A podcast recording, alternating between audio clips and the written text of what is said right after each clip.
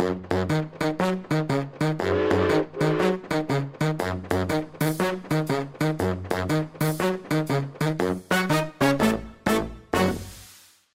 da er det jeg som har gleden av å ønske alle lytterne hjertelig velkommen til en eh, ny episode i podkasten Ekspedert, som vi eh, produserer her på Narvik museum. Jeg heter Jon Framnes, og jeg skal være dagens vert og guide dere en, gjennom et lite stykke historie, jeg vil si fargerik historie. Vi har eh, selvfølgelig med oss en gjest i dag, og eh, den gjesten vi har eh, rett på andre sida av bordet her, er han Geir Horringmo. Velkommen til deg. Tusen takk. Du er eh, ingeniør av yrke. Og av hobby er du slektsforsker og historiker og har skrevet en god del artikler, bl.a. til årbøkene her for Ofoten. Og, hva, og så har du vært eh, ja, Du er kanskje enda nordgutt? Absolutt. En gang nordgutt, alltid nordgutt. Det er sånn det er. Og, eh, vi heier på de nedlagte lag og den historien som var. Å være nordgutt er en hedersbetegnelse. Eh, jeg har hørt eh, i tidligere sendinger på denne podkasten om eh, turene til Narvik nord. og litt Både flyturer og båtturer rundt omkring. Og den legendariske fotballkampen mellom Nord og Bodø-Glimt i 1964. Var du med der på det laget? Det var jeg. Da var jeg 17 år gammel. Det er jo relativt ungt, det, men du gjorde en god figur på banen. Eh, Jeg var så heldig at jeg fikk skåret tre mål i den finalen. Tre av fem. Bodø-Glimt leda 4-0 eh, langt ut i, i kampen, og kampen ble eh, direkte overført per, per telefon til Narvik stadion. Det var egentlig til kinoteatret. Det var til kinoteatret? Ja, Ja. riktig, riktig. riktig ja. Og dere kom hjem som de store heltene. Ja, det var fantastisk, eh, noen fantastiske dager etter den kampen der. Det er riktig nok. Ja, det, det, det, det, er skrevet inn i eh, Narviks idrettshistorie, så, så det holder. Du, eh, eh, som, som veldig mange andre, så hadde jeg ei bestemor, eh, hun Johanna Framnes, eh, som bodde på Frydenlund, i det som i dag blir kalt for, for Framnesgården, Frydenlundsgata 5. Eh, jeg leste en gang en eh, avisartikkel om henne. Eh, det var vel i forbindelse med 80-årsdagen hennes. og Der står det mye pent om eh, hun, eh, mor, som vi kalte henne for, men bl.a. at hun var tjenestejente hos Myklevann. Eh, og drev på med å eh, hjelpe til der i den, den butikken eller fabrikken eller hva han holdt på med, Myklevann. Her, har, eh, vi skal snakke mye om Myklevann, og du har eh, leta litt opp i skriftene rundt eh, en ganske så fargerik person som satte sitt preg både på Narvik by og ikke minst i Rombaksbotn, der eh, den anleggsbyen lå.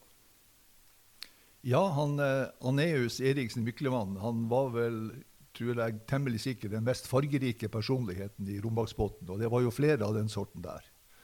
Og eh, at han da eh, også etter hvert fikk en virksomhet på Frynlund, kan vi jo etter hvert komme tilbake til. Ja, for eh, det, det stemmer. Han hadde var brusfabrikk det gikk på. Eh, snarere ølfabrikk. Å ja, huff da. Ja, Ja, ja. Vi kommer nok inn på det. Vi skal, ja, vi skal, vi skal følge reisen nesten fra, fra vugge til grav for den her Aneus Eriksen Myklevann, som, er, som har eh, farta viden bredt i både Norge og i Sverige og eh, rundt omkring. Men jeg hadde eh, noen hektiske år i Rombaksbotn. Hvor, hvor han har sitt opphav fra, han, Aneus? Han var født i 1875 på en liten husmannsplass ved Møkkelvatnet i Grong kommune. Eh, og hadde åtte søsken. Fire yngre og fire eldre. Så oppveksten hans har nok vært ikke bare en, en enkel reise. Eh, og eh, etter konfirmasjonen så reiste han faktisk rundt i Nord-Trøndelag som handelskar, og samtidig som folketaler. Og på plakatene så, så betegna han seg sjøl som verdens yngste folketaler. Så han hadde åpenbart selvtillit allerede i tidlig alder. Eh, han kom tidlig i konflikt med, med loven. Og allerede før han var 18 år, så fikk han ti dagers fengsel for tyveri. Ja vel. Han, har han naska til seg ting som eh, Ja. Han har ikke klart å finne ut hva det var han stjal, men, men han ble i hvert fall dømt for, for, for tyveri. Men han hadde talens gave. Ja, det hadde han.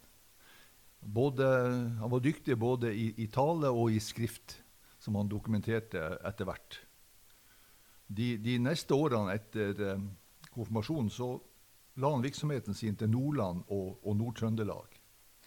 Og Der ble han dømt ikke mindre enn fire ganger for ulovlig omsetning av alkoholholdige drikkevarer, som det heter. Ja, nettopp. Ja. Det er en gjenganger det fra Aneus sin virksomhet. Ja, men, men altså han, eh, han var en, en veldig mangfoldig personlighet som hadde store talenter. Han kunne sikkert ha drevet det langt på mange områder hvis han tidligere tidlig hadde blitt pensa inn på en annen løpebane.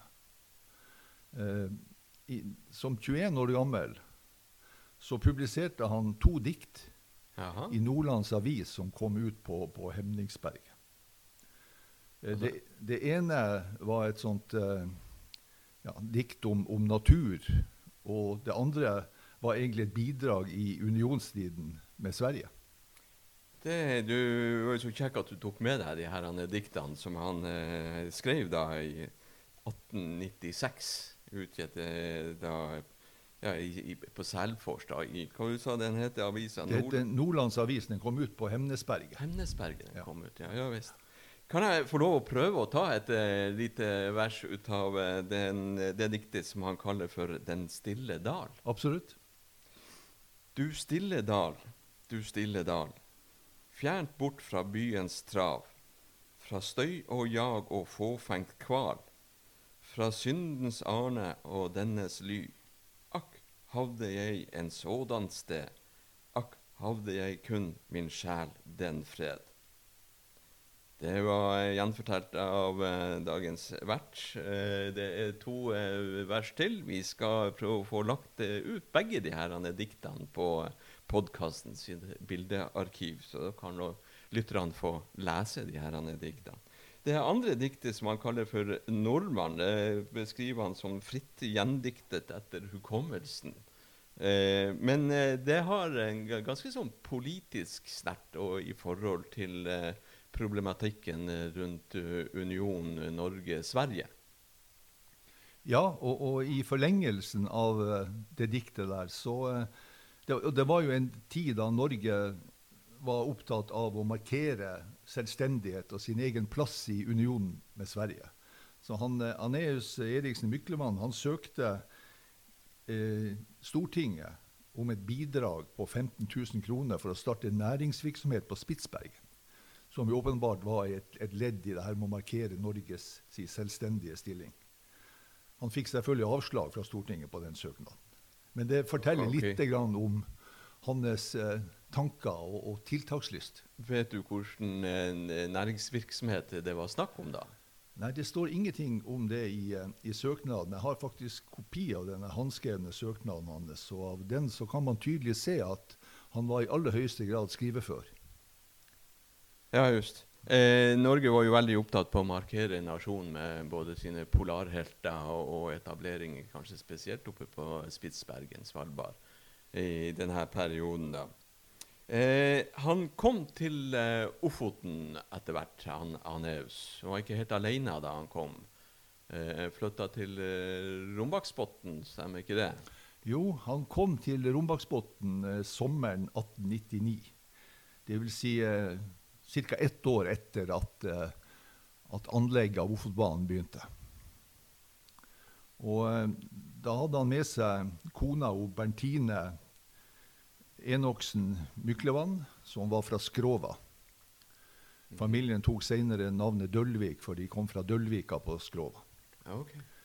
Eh, og Det er litt interessant historie om han Myklevann før han kom til Rombaksbotn. For vi har jo hørt at han eh, tidlig ble dømt for ulovlig omsetning av øl og brennevin. Men eh, i 1897 så var han faktisk med og starta en avholdslosje i Flakstad i Lofoten som heter Ungdommens lykke. Og Der ble han innvalgt i ledelsen. Pga. sine eh, taleferdigheter og eh, skrivekyndighet. Ja, Han var allerede da arrestert og bøtelagt for uh, ulovlig uh, alkoholomsetning. Ja da. Fire ganger, som sagt, ble han allerede dømt da han var med og starta den avholdslosjen i Lofoten. Høres ut som en god politiker, ja. Du, vi har eh, foran oss vi, har vi et eh, gammelt kart over eh, bebyggelsen i Rombaksbotn. Eh, da er det allerede inntegn... Jeg kan jo si litt om det kartet, kanskje? Ja, det er et, et kart som eh, ble laga eh, i 1952 av to personer. Den ene var min farfar, Johan Albert Torrimo, som var, var en av de aller første som kom til anlegget i juli 1898 og ble etter hvert den første politimannen i Rombaksbotn, bare 20 år gammel. Og I 1952 så ble han og en annen veteran invitert til Rombaksbotn for å forsøke å lage et, eh, et, kart over den bebyggelsen som var der. Mm. Og Det er det kartet som vi nå har foran oss. Og der har vi jo eh, Myklemann sitt, eh, sitt hus øverst i eh, bebyggelsen ved transportveien. Som han bygde sjøl der? Han bygde nok ikke sjøl, men han, eh, han, hadde åpenbart tjent såpass penger på den ulovlige spritomsetninga at han kunne betale, for, betale, andre for å sette opp huset. Okay, yeah. Og i det huset som var, det var ganske stort. Og eh, der ble det drevet en ganske allsidig virksomhet. Der var det dansesal, butikk, apotek, kuranstalt, brusfabrikk, trykkeri og aviskontor. Og på, på veggen i danselokalet så var politivedtektene slått opp. Men det hadde ikke noe særlig innvirkning på den virksomheten som ble drevet i lokalet. Ja, det var et, et multifunksjonert hus, vil jeg si. det her. Ja. Eh, det, var, ikke her det var bowlinghall også? Nei, det var i et annet uh, bygg i Rombaksbotn. Så tilbudet til folk i Rombaksbotn det var ganske vidt og variert? Det var ganske vidt og variert. Jeg har en, eh, en oldefar som heter Petter Paulsen, som jeg har skrevet en del om. Han, eh, han var en veldig spesiell mann. Han, han, reiste rundt i sin ungdom som akrobat, linedanser, sverdsluker i Sør-Norge. Og slutten av livet så kom han da til Nord-Norge og Rombaksbotn. Og der drev han et slags ja, så kall for sirkus, men Eh, han hadde da ei datter som ble min farmor, og en sønn. Og de opptrådte da for Rallan i Rombaksbotn. Farmora mi dansa bl.a. på line der inne. Det er jo helt fantastisk. Ja. Så det var et variert tilbud. det var et godt variert ja. tilbud. Eh, eh Rombaksbotn ble jo eh, først og fremst etablert som en serviceby for anleggsvirksomheten. og eh, det var jo transportbehovet var jo stort fra Rombaksbotn og opp til anlegget da, der eh, jernbanen skulle bygges. Og først og fremst eh, hestekarer av deres familie som, som eh, skulle bo der. Men, eh, men eh, som du sier, det ble jo et ganske mangfoldig tilbud til eh, de som var innom tilreisende i Rombaksbotn. Var det mye folk som bodde her i Rombaksbotn i denne tida? Eh, det var mellom 75 og 90 hus, og den faste befolkninga var i underkant av 500. Mm. I helgen så var det betydelig mer, når uh, rallerne da kom ned fra, fra anlegget. Uh, det var mange forretningsfolk som slo seg ned i, i Rombaksbåten for å betjene den der huben som vi vil kalt det for i dag. Ja, ja. For det var jo et eh, transportsentrum for alt som skulle opp til jernbanelinja, både på norsk side og svensk side. Ja. Så eh, der var eh, handlende av eh, ulike uh, profesjoner. Mm. Det, eh, han eh, kom i konflikt med ganske mange. Eh, han ble vel beskyldt for både kvakksalveri og litt av hvert, i tillegg til den her eh, alkoholomsetninga hans. Eh, Nils Astrup, eh, som var lege på denne tida, eh, kom, de, de, hadde en, en, feide ganske ofte. Ja, eh, han eh, Myklevann han hadde, da han avtjente verneplikten året før han kom til Rombaksbotn, så hadde han blitt utnevnt til sanitetskorporal av hjelpebærerklassen, som det heter. Så han hadde åpenbart fått litt grann, uh, utdanning når det gjaldt å, å, behandle sår og skader. Og eh, bare noen få måneder etter han hadde kommet til Rombaksbotn, så rykka han inn en annonse i Ofons Tidende med følgende tekst. Sanitetskorporal Myklevann Rombaksbotn behandler beinbrudd, sår og hudsykdommer samt sykdom i kjønnsorganene.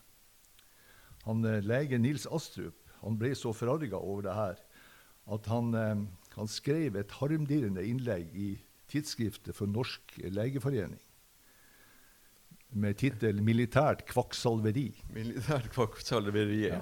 Og så anmeldte han da Myklevann til politimesteren, som fant at han ikke kunne gjøre noe pga. manglende bevis.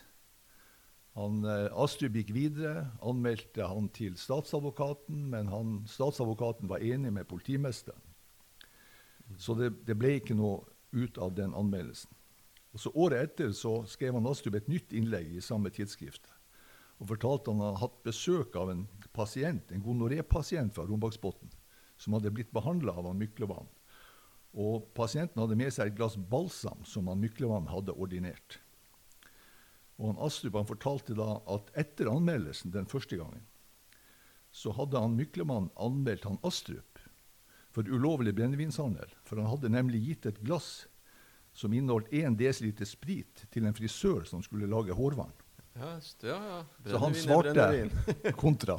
Ja, han er, som, som du innleda med, han hadde talens gave og eh, skriftens eh, gave også. Ja. Eh, i, i, det her han er Sunnhetskommisjonen, var det det det heter? Han er Astrup leder. Ja. ja. Og, og, det var vel kanskje spesielt i forhold til eh, de epidemiene som nå blomstra opp i både Rombaksbotn og Narvik og Skjomen på denne tida. Han beskriver jo også Rombaksbotn som ganske sånn lovløse tilstander i det her brevet eh, som han sendte. Eh, men det oppsto en del eh, ja, sykdommer. Det ble kalt for nervefeber. Ja, eh, som da var navnet på tyfus. Det oppsto en, en kraftig tyfusepidemi i Rombaksbotn. Ja. Og, han, eh, og, folk der skjønte ikke hva det var for noen ting, men han eh, Myklevann, som hadde fått litt utdanning når det gjaldt sykdom, han skjønte at det var tyfus. Mm. Så da var han ikke eh, sein om å henvende seg til sin gamle motstander Astrup og be han om å komme inn til Rombaksbotn. Og det gjorde han Astrup da, og fikk ordna opp i forholdene som først og fremst var eller Årsaken var først og fremst dårlige sanitære forhold som gjorde at smitten bredde seg. Ja, at folk eh, både vaska kopper, kar og sitt fornødne øverst i elva. og Lenger ned i elva så uh, brukte de det til samme vannet til drikkevann. Det er ikke helt bra, det. Nei. Men uh, de fikk rydda opp i den her uh, epidemien ja, der. Ja, Nastrup han eh, fikk da satt i gang tiltak som gjorde at de fikk ja. begrensa epidemien. Men det var jo flere som døde under ja, epidemien i, i, eh, i Romaksbotn. Ja, det var, det var ganske omfattende sted. Du, eh, Rombaksbotn eh, og anlegget, du må forklare litt fra en ingeniørs eh, ståsted. Altså, vi snakker om flere avdelinger i, altså på byggebanen. Uh, andre avdeling hva, hva, Kan du forklare litt hva, hva de begrepene er for noe? Ja, Det var en administrativ ordning. sånn at uh, Ofotbaneanlegget var inndelt i to avdelinger av praktisk talt lik lengde. Første avdeling den strakte seg fra banen sitt endepunkt på Fagernes og til like innafor Rombak stasjon i dag. Mm -hmm. Der begynte andre avdeling, som gikk derfra og til riksgrensen. Så var det, en, det var altså en overingeniør som da hadde det overordna ansvaret for anlegget. Og så var det en avdelingsingeniør på første avdeling som heter Aschehoug, og en avdelingsingeniør på andre avdeling som heter Holfeldt Lund som var en veldig fargerik person, han òg. Ja. Kanskje vi skal komme tilbake til han i en eh, egen episode. Det er mye interessant se her. Eh, det er jo fortellingen rundt Rombaksbotn. Er jo mye Aneus-fortellinger og eh, alt det livlige som skjedde med brennevinsalg og med gjøgleri og alle de hotellene som, som lå der. Eh, men basen er jo ingeniørkunsten og ingeniørene og transportørene sin, sin, sin virksomhet og, og bygging av Ofotbanen. Og det er egentlig fantastiske jobben som ble gjort under de vilkårene som eh, regjerte høyt til fjells, og med den teknologien som var tilgjengelig i den tida. Ja, Ofotbanen var et fantastisk stykke ingeniørarbeid som ble utført på veldig kort tid. Og de, de ingeniørene som leder arbeidet, de eh, har hatt eh, skal vi si, all grunn for den rosen som, som de fikk. Han Viul, som var anleggsleder, han ble utnevnt til ridder av første klasse av St. Olavs orden når, han, eh, når, anlegget var ferdig. Og han er jo omtalt i avisa som Ofotbanens byggmester. Ja, just. Ja. ja. Um, det, um, det, kom til uh, altså det her med, med uh, kommune og uh, si det offentliges tilstedeværelse. Som jeg skjønner, så var det ganske mange tilbud i Rombaksbotn. det var skole der, annet. Det ble for øvrig brukt som lasarett under denne epidemien som, som vi omtalte i sted. Men uh, det var visst ikke noe kirkebygg nede i Rombaksbotn, og sånn uh, gudshus der. Men behovet for en arrest oppsto. Ja. Eh, under, eller like etter man starta anlegget i 1898, så, eh, så skjønte jo han Viul at eh, lensmannen som holdt til på Evenes, på Liland, han ville ikke ha noen mulighet til å, å kunne rykke ut i den lille båten som han disponerte til Rombaksbotn når det var behov. Så han, Viul han søkte da om å få overført politimyndighet til anlegget. Og det fikk han ganske kjapt. Eh, sånn at allerede senhøstes 1898 så ble det utnevnt eh, eh, såkalt jernbanepoliti. Det vil si at det ble utpekt to personer på første avdeling og to personer på andre avdeling som eh, skulle føre politioppsyn. Mm. En av de to på andre avdeling var for øvrig min farfar, som var 20 år. Og den eneste politi i Rombaksbotn den første tida. Men det var, det var litt fyll og fest der nede. Og i hvert fall kan du si anleggsledelsen og myndighetene så behov for å stagge gemyttene av og til. Hvor, uh, hvor man gjorde ut av folk i begynnelsen? Ja, I begynnelsen, altså mens, mens min farfar var, var politi, så hadde man ikke noe arrest. Da, men det lå en gammel fembøring på stranda i Rombaksbotn som han tok og sagde i to. Og kledde inn den ene halvparten. Satt inn ei dør og en slå og en trepinne. Mm -hmm. Og Det var altså arresten det første halvåret. Men så, i sommeren 1899, så sto det da ferdig ei arrestbygning i Rombaksbotn og ei identisk arrestbygning i Narvik. Så den eh, arrestbygninga i Rombaksbotn, hvis du ser på det, det kartet her, den lå et godt stykke ned mot sjøen. Ja. Er det den vi ser tuftene ut av i dag i Rombaksbotn? Så vidt jeg vet, så, så, er det de tuftene som man kan se. Ja, ja det er en, mur, en, en grunnmur. Det var det eneste bygget da, under anleggstida som hadde grunnmur, i tillegg til de gårdene som eh, eh, var der fra før av. Ja, det virker sannsynlig, for det ble jo engasjert en egen byggmester for å føre opp eh, arrestbygninga. Mm. Eh, det skjedde ikke helt eh, hyggelige ting inne i arresten. Eh, jeg har hørt om en del sånn ganske brutale arrestasjoner. Ja, det er riktig det. Og da sikter du sikkert til en person som heter Emil Eriksen, som jobba på anlegget i Silvik. Mm. Eh, og om kvelden den 3. november 1900 så ble han arrestert av politiet i Rombaksbotn og innsatt i arresten. Og Den som utførte arrestasjonen, var en som het Jon Trygstad, som var politiassistent. Det var altså etter at det ble ansatt ordinære politifunksjonærer i, i Rombaksbotn. Og han Trygstad hadde ord på seg for å, å, være brutal og bruke makt, og også kølle under arrestasjonen. Og han Emil Eriksen han ble da arrestert på et, et av hotellene i, i Botn og ført til arresten der han døde på søndag morgen. Og Obduksjonen viste at han hadde brudd på hjerneskallen. Og eh, det her skapte selvfølgelig stor bitterhet blant arbeiderne. Arbeiderforeningen forlangte at han Trygstad skulle fjernes fra stillinga. Han var jo da ansatt av anlegget, han også, som betalte og ansatte de her politifunksjonærene. Uh, og det ble etterkommet av, av han Viul. Han flytta han Trygstad til, til Narvik og ga han i annen stilling. Men han eh, Myklevann han hadde jo et eh, ganske anstrengt forhold til politiet der inne. Og han utga et skrift som hadde tittelen 'Politiet i Rombaksbotn drapet av Emil Eriksen'. Og I det skriftet så kan man lese en ganske dramatisk og bloddryppende fortelling om hendelsesforløpet under arrestasjonen. Eh, man kan vel si at den fortellinga til han Myklevann neppe er helt sannferdig. Han har nok antakelig overdrevet en del. Og skriftet ble beslaglagt av politiet. Det ble tatt ut drapstiltale mot han eh, Trygstad, men han ble frikjent i lagmannsretten. Og kort tid etter så forsvant han fra Norge og utvandra til USA, der han gjorde det bra, etter det jeg kan se. Der gjorde han det bra? Ja. Trygstad? Ja. Ja. ja. Kanskje greit å Ja. utvandre der. han, han er jo så Unnskyld. Eh, Myklevann han eh, tok gjerne eh, arbeiderne sitt parti i veldig mange saker, sånn som det eksempelet du nevnte nå.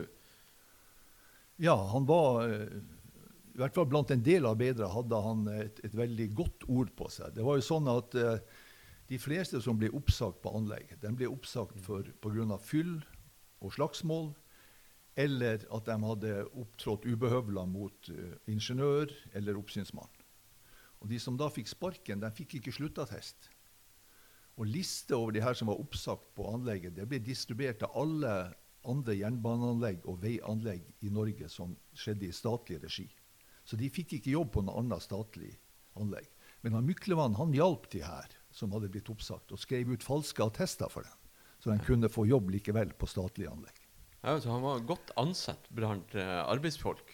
Ja, ja. Den her svartelistinga, eller de, de fikk katter, eller svartkatter, som de Ja, kalte det, for å bli registrert. Det, er jo, det var jo ganske vanlig det at arbeidsgivere, store arbeidsgivere eh, svartelista folk, at det var vanskelig å få arbeid hvis de kom i konflikt med arbeidsgiveren på et eller annet vis.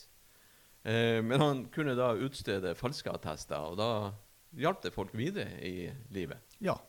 Så eh, mange av arbeiderne så på han med, med positive øyne. Han eh, Etter hvert så, så, så eh, flytta han Anneus fra Rombaksbotn. Rombaksbotn ble jo herja en del branner, og, eh, og anleggs, da anleggstida var over, jernbanen var sto ferdig, så eh, skulle det ikke være noe mer by der. Eh, han flytta til Narvik og fortsatte sin eh, virksomhet. Men før vi går på denne virksomheten sin, som er ganske mangfoldig en, Det her med kommuner, kommunegrenser, tilhørighet til kommuner, eh, det har nok noe betydning for denne handelen og vandelen som skjedde. Altså, eh, Rombaksbotn, hvilken kommune tilhørte det? Rombaksbotn tilhørte Ankenes kommune. Og I Ankenes kommune så var det sånn når det gjaldt eh, alkoholomsetning, at eh, såkalt småsalg av øl og vin, altså flaskevis salg, det krevde bevilling. Og I Rombaksbotn var det ingen som hadde bevilling til å selge øl eller vin, for ikke å snakke om brennevin. Så all omsetning av alkohol i Rombaksbotn var ulovlig. Ja, eh, Men det fløyt allikevel. Det fløyta likevel. Langer, langerne hadde gode, gode tider. langere, dampskip og eh, andre som kunne eh, selge alkohol, de var til stede der. Eh, I Narvik så eh, etablerte han eh, da en såkalt brusfabrikk og utsalg. Den, det, de, de, kan muligens i denne tida min bestemor Johanna var tjenestepie hos han, eh, han, eh, han Myklevern. Eh, den, den fabrikken, hvor, hvor den lå henne, hvis du kunne si sånn omtrent her i, i byen i dag? Hvilken bygning eller område lå den i? Den lå i det som eh, i dag heter Ofotveien. Mhm. Eh, antakelig nesten helt nederst i Ofotveien, altså mot jernbanelinja. Ikke så langt fra der det gamle apoteket Bien var, eller kanskje som du og jeg bedre kjenner det huset som der resepten holdt det til. Antagelig eh, kjenner vi det bedre som skjenkestedet Resepten. Ja. Og Grunnen til at han Myklevann eh, flytta til Narvik, det var det at han eh, For det første så innså han jo at, at eh, Rombaksbotn jo ikke var verdens største eh, hva skal vi si, sted. Og etter hvert så vokste jo Narvik veldig raskt og hadde jo ja, Da Narvik ble by 1.1.1902, ca. 3000 innbyggere. Eh, og så var han også smertelig klar over at det vedtaket som eh, var gjort om alkohol, begrensning av alkoholomsetning i Ankenes, det ville ikke gjelde for Narvik når den ble utskilt fra Ankenes som by. Ikke sant? Ja. Og hvis at man skulle innføre et tilsvarende vedtak i Narvik, så ville det gå ett år før at det kunne tre i kraft. Så han flytta til Narvik, starta ølproduksjon på Frynlund og åpna utsalg i kjelleren i Warholm sin gård øverst i gate 1 ved siden av Grand Hotell. Ikke sant. Og der eh, kunne han holdt på å fortsette i Narvik, i, i eh, Ank, der eh, eh, myndighetene ikke kunne sette restriksjoner for eh, omsetning av alkohol. Der kunne han fortsette lovlig. Eh, Politimesteren forsøkte å stoppe det.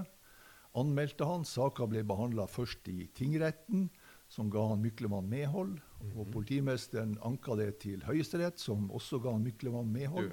Så eh, han kunne fortsette eh, lovlig, og andre så sitt snitt til å starte ølproduksjon og salg, dem også, sånn at forholdene i Narvik ble etter hvert ganske kaotisk.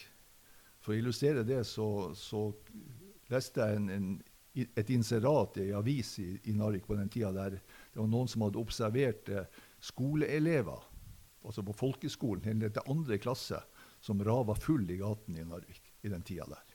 Ja, og selv om han Myklevann var med og uh, oppretta avholdslosjen uh, Ungdommens lykke eh, noen år tidligere, så kom han fort på kant med avholdsbevegelsen i Narvik.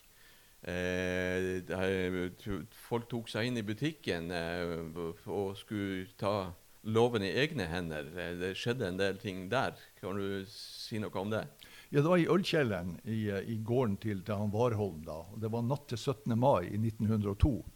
Da var det en person der som skulle prøve å trenge seg inn i lokalet, som sannsynligvis var helt smekkfullt. Og han svogeren til han Myklevann han forsøkte å stoppe vedkommende, men uh, lyktes ikke med det. Og Da fant han frem en revolver og avfyrte et varselskudd. Og Like etter så kom han Myklevann sjøl til stedet, fikk tak i en stein og slo han der gjesten som de forsøkte å kaste ut, i hodet med steinen.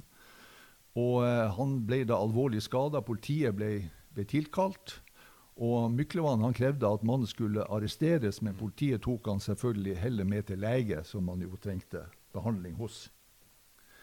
Eh, og eh, etter det her så eh, ble det åpenbart for befolkninga i Narvik at eh, Myklemann sin tid i Narvik den måtte ta slutt. Og i eh, forbitrelsen blant folket var stor, og Ofotens Dagblad, som er i avisene i Narvik, de skrev da noen dager etter denne episoden i ølkjelleren at det kunne være grunn til å frykte at det før eller senere kunne bli utøvd lynsjjustis mot han Myklevann.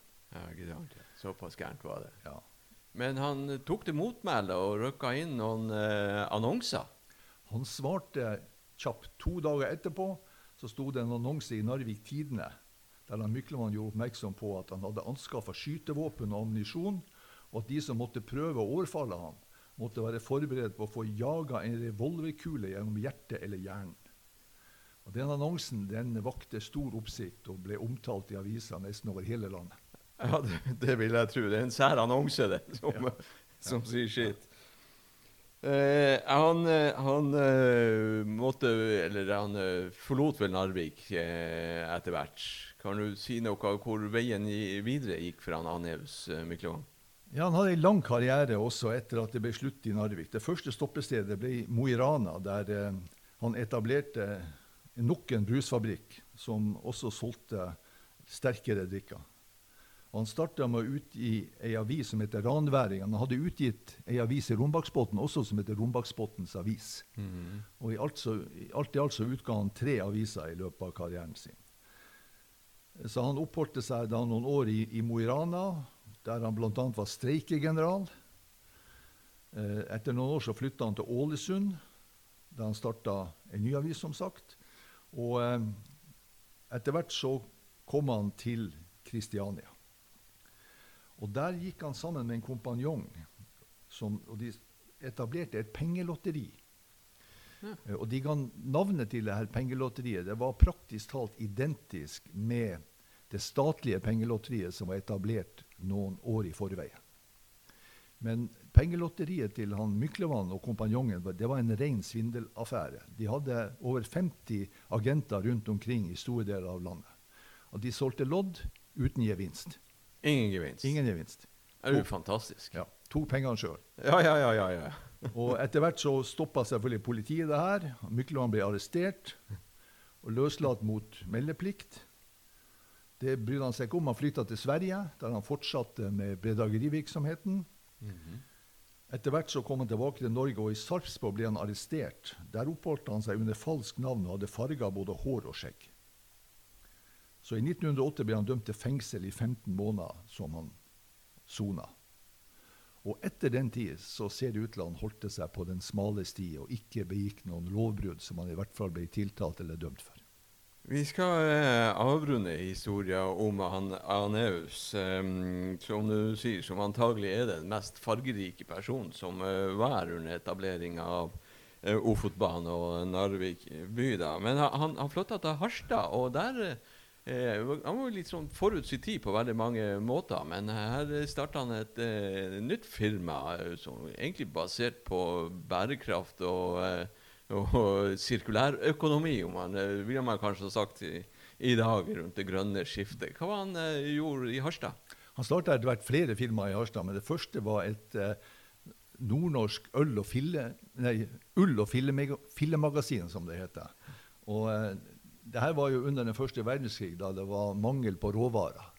Så han reiste rundt og samla inn ull og fille, tomflaske, jernskrap osv. Og solgte det videre da. Og det her foregikk jo faktisk i statlig regi. Altså han leverte til staten. Eh, og i, den, i denne sammenhengen så kom han også til Narvik. Eh, jeg tror det var i 1918. Og jeg kan tenke meg at ikke alle innbyggerne av Narvik var like, like begeistra over å se han igjen. Muligens det. Muligens det. Um, han, eh, han eh, endte sine dager og ble eh, ikke så veldig mange år. Nei, han, det gikk jo dårligere etter hvert med, med virksomheten. Så han, i mange år så reiste han rundt i fiskesesongen på Lofoten og Finnmark og ellers på markeder som kramkar og solgte varer av forskjellig slag. Og eh, til slutt så flytta han til, eh, til Finnmark, til Båtsfjord. Og der døde han i 1930, bare 55 år gammel. Ja. Men uh, hadde et rikt, innholdsrikt, mangfoldig liv på uh, egentlig begge sider av loven, da, kan man jo si. Godt likt av noen, og uh, ikke så veldig godt likt av veldig mange. Spesielt myndighetspersoner. Ja, et, et fantastisk og innholdsrikt liv, som du, som du sier. og jeg føler meg overbevist om at hvis han hadde blitt pensa inn på en annen løpebane tidlig, så kunne han ha drevet det langt på mange områder. Ja, det, det får vi jo aldri vite, da. Eh, helt fantastisk historie, Geir. Jeg sier tusen takk for at du ville dele denne historien med oss og med alle lytterne.